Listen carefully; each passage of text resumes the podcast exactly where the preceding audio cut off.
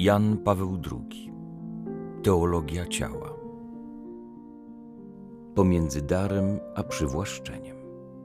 Temat dzisiejszego rozważania, który jest następnym fragmentem rozważania prowadzonego już od szeregu miesięcy.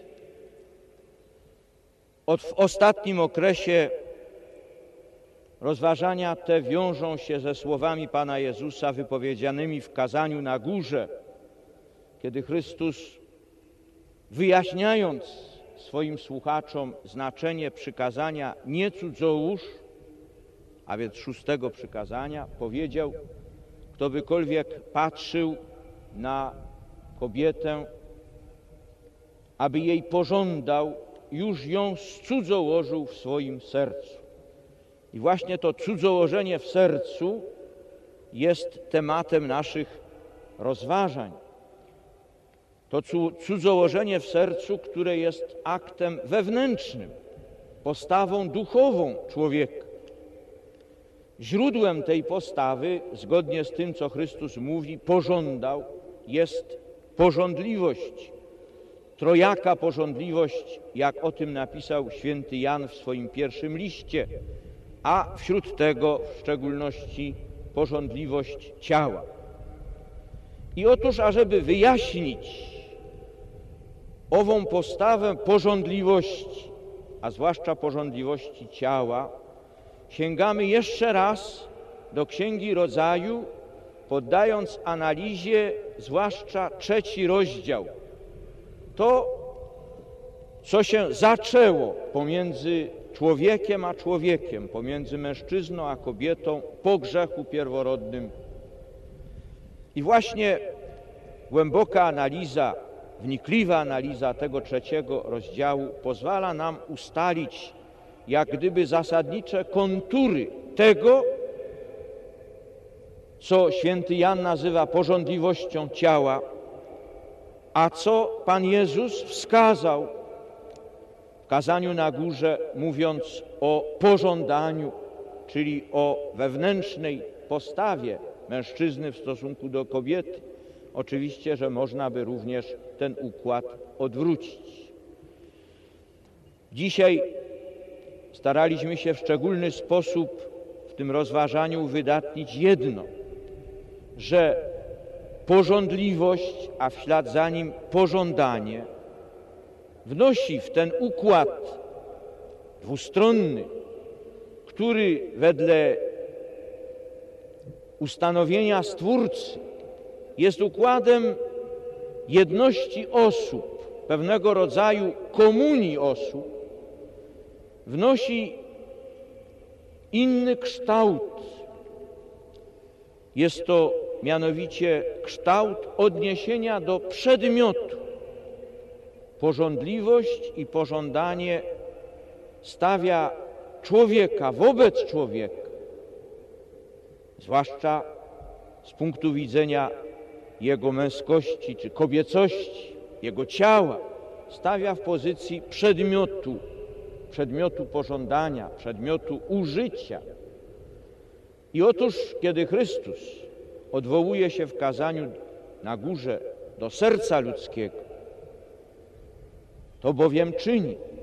Wówczas przez to samo wskazuje, że serce ludzkie jest jak gdyby tym terenem wewnętrznym, tym polem, na którym zmaga się w każdym człowieku pożądliwość i pożądanie z tym, co jest istotne dla miłości. Dla miłości i z tą miłością związanej czci i czystości w obcowaniu wzajemnym mężczyzny i kobiety. To pokrótce treść dzisiejszego rozważania.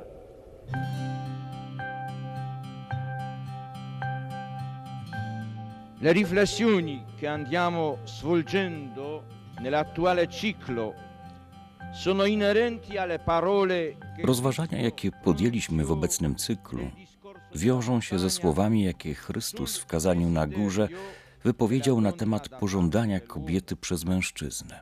A żeby zbadać niejako od podstaw to, co charakteryzuje człowieka pożądliwości, Cofnęliśmy się znów do Księgi Rodzaju. Sytuacja, jaka wytworzyła się we wzajemnym odniesieniu mężczyzny i kobiety, została już tam bardzo wnikliwie zarysowana. Poszczególne zdania Księgi Rodzaju, rozdział trzeci, mówią tutaj bardzo wiele. Zdania Boga Jahwe wypowiedziane do kobiety, ku Twemu mężowi będziesz kierowała swe pragnienia, on zaś będzie panował nad Tobą, wydają się przy gruntownej analizie ukazywać to, jak układ wzajemnego obdarowywania, który istniał pomiędzy nimi w stanie pierwotnej niewinności, zamienia się po grzechu pierworodnym w układ wzajemnego przywłaszczenia. Jeżeli mężczyzna jest tym, który przywłaszcza sobie w ten sposób kobietę, traktuje ją tylko jako przedmiot swojego przywłaszczenia, a nie jako dar, to zarazem skazuje i siebie na to, że jest dla niej też tylko przedmiotem przywłaszczenia, a nie darem. O takim układzie dwustronnym zdają się mówić słowa Księgi Rodzaju, rozdział 3, werset 16, chociaż powiedziane jest wprost tylko, że On będzie panował nad Tobą. Powiedziane jest również, że w takim jednostronnym, a pośrednio dwustronnym przywłaszczeniu zatraca się struktura komunii osób. Oboje stają się jakby niezdolni do przekroczenia wewnętrznej miary serca w kierunku wolności daru i związanego z nim oblubieńczego sensu ciała. Słowa Księgi Rodzaju, rozdział 3, werset 16, zdają się wskazywać, że staje się to niejako bardziej kosztem kobiety. W każdym razie ona odczuwa to bardziej niż mężczyzna. Almeno a questo particolare vale la pena di volgere ora. Jest to szczegół, na który warto tu przynajmniej zwrócić uwagę. Słowa Boga Jahwe z Księgi Rodzaju, rozdział 3, werset 16 oraz słowa Chrystusa według Ewangelii Mateusza, rozdział 5, wersety 27 i 28 wykazują pewien pluralizm. Pierwsze ku Twemu mężowi będziesz kierowała Twe pragnienia, on zaś będzie panował nad Tobą. Drugie, każdy, kto porządliwie patrzy na kobietę.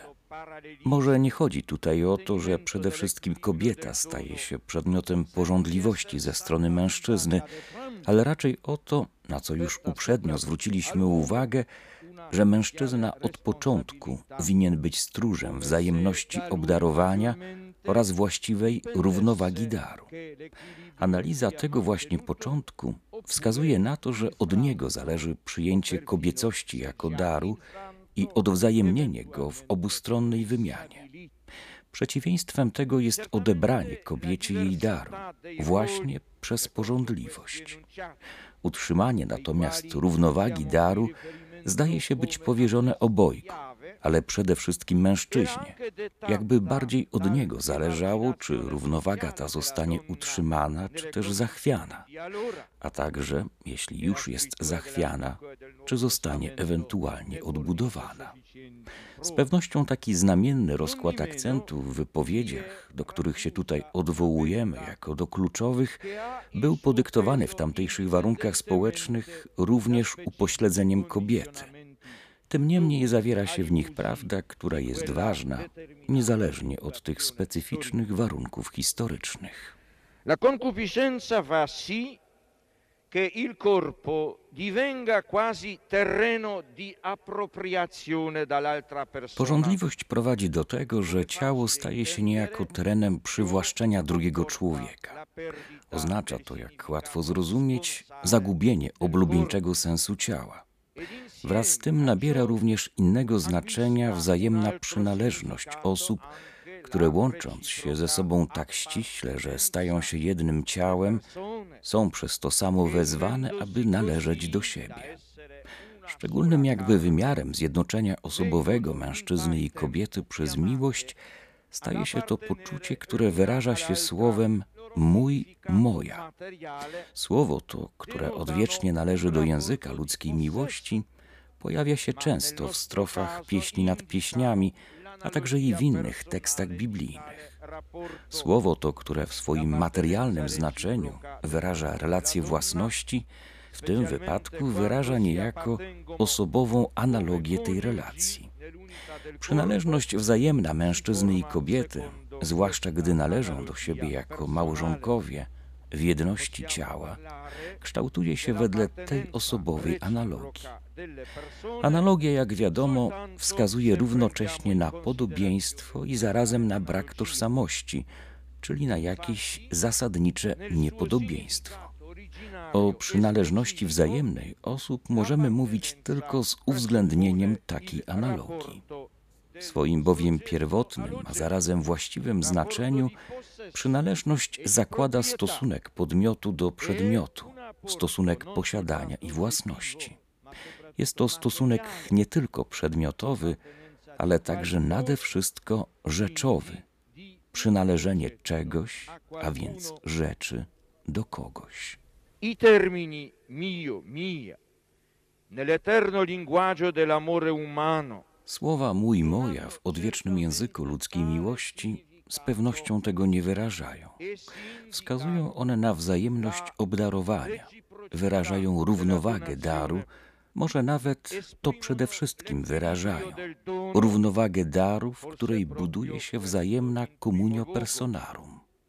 Skoro buduje się ona przez wzajemny dar męskości i kobiecości, to zachowuje się w niej równocześnie oblubieńcze znaczenie ciała. Owszem, słowa mój, moja w języku miłości zdają się stanowić radykalne zaprzeczenie przynależności w takim znaczeniu, w jakim przedmiot, rzecz przynależy do podmiotu, osoby. Tak długo ta analogia ma swój sens i zastosowanie, jak długo nie pogrąży się w tamtym znaczeniu. Trojaka porządliwość, w szczególności zaś porządliwość ciała, odbiera wzajemnej przynależności mężczyzny i kobiety właściwy wymiar osobowej analogii, w ramach której słowa mój i moja zachowują swoje istotne znaczenie. To istotne znaczenie znajduje się właśnie poza obrębem prawa własności, poza znaczeniem przedmiotu posiadania. Porządliwość natomiast zmierza w kierunku tego znaczenia. Od posiadania następny krok prowadzi w kierunku używania. Przedmiot, który posiadam, nabiera dla mnie z kolei takiego znaczenia. Dysponuję nim, posługuję się nim, używam go. Jest rzeczą jasną, że osobowa analogia przynależności stanowczo opiera się takiemu znaczeniu. Ów opór jest znakiem, że to, co w odniesieniu wzajemnym mężczyzna-kobieta jest od ojca, zachowuje swoją trwałość i ciągłość wobec tego, co jest od świata. Jednakże porządliwość sama z siebie popycha w kierunku posiadania drugiego jako przedmiotu. Popycha też w kierunku używania, które niesie ze sobą zaprzeczenie oblubieńczego sensu ciała. Bezinteresowny dar zostaje gruntownie zanegowany przez egoistyczne użycie.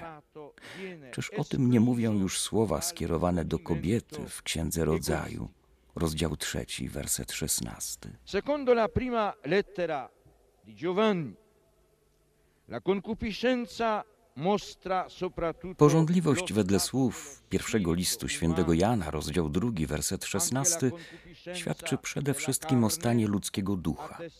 Również porządliwość ciała świadczy przede wszystkim o stanie ludzkiego ducha. Tej sprawie wypadnie poświęcić dalszą analizę, przenosząc teologię Janową na grunt doświadczeń opisanych w Księdze Rodzaju, rozdział trzeci, a także odnosząc się do słów Chrystusa skazania na górze, odnajdujemy niejako konkretny wymiar owego przeciwieństwa, jakie wraz z grzechem zrodziło się w sercu człowieka pomiędzy duchem a ciałem. Skutki tego przeciwieństwa pozwalają się odczuć we wzajemnym odniesieniu osób, o których jedności w człowieczeństwie stanowi od początku to, że są mężczyzną i kobietą. Odkąd w człowieku zamieszkało prawo inne, które toczy walkę z prawem mojego umysłu, list do Rzymian, rozdział 7, werset 23, istnieje jakby stałe niebezpieczeństwo takiego widzenia, wartościowania, miłowania, w którym to pożądanie ciała przeciwko duchowi okazuje się silniejsze od pożądania ducha. I tę właśnie prawdę o człowieku, tę postać antropologii musimy mieć wytrwale przed oczyma, gdy pragniemy w pełni zrozumieć owo odwołanie się do serca ludzkiego, któremu Chrystus dał wyraz w kazaniu na górze. rivolto da Cristo al cuore umano nel discorso della montagna.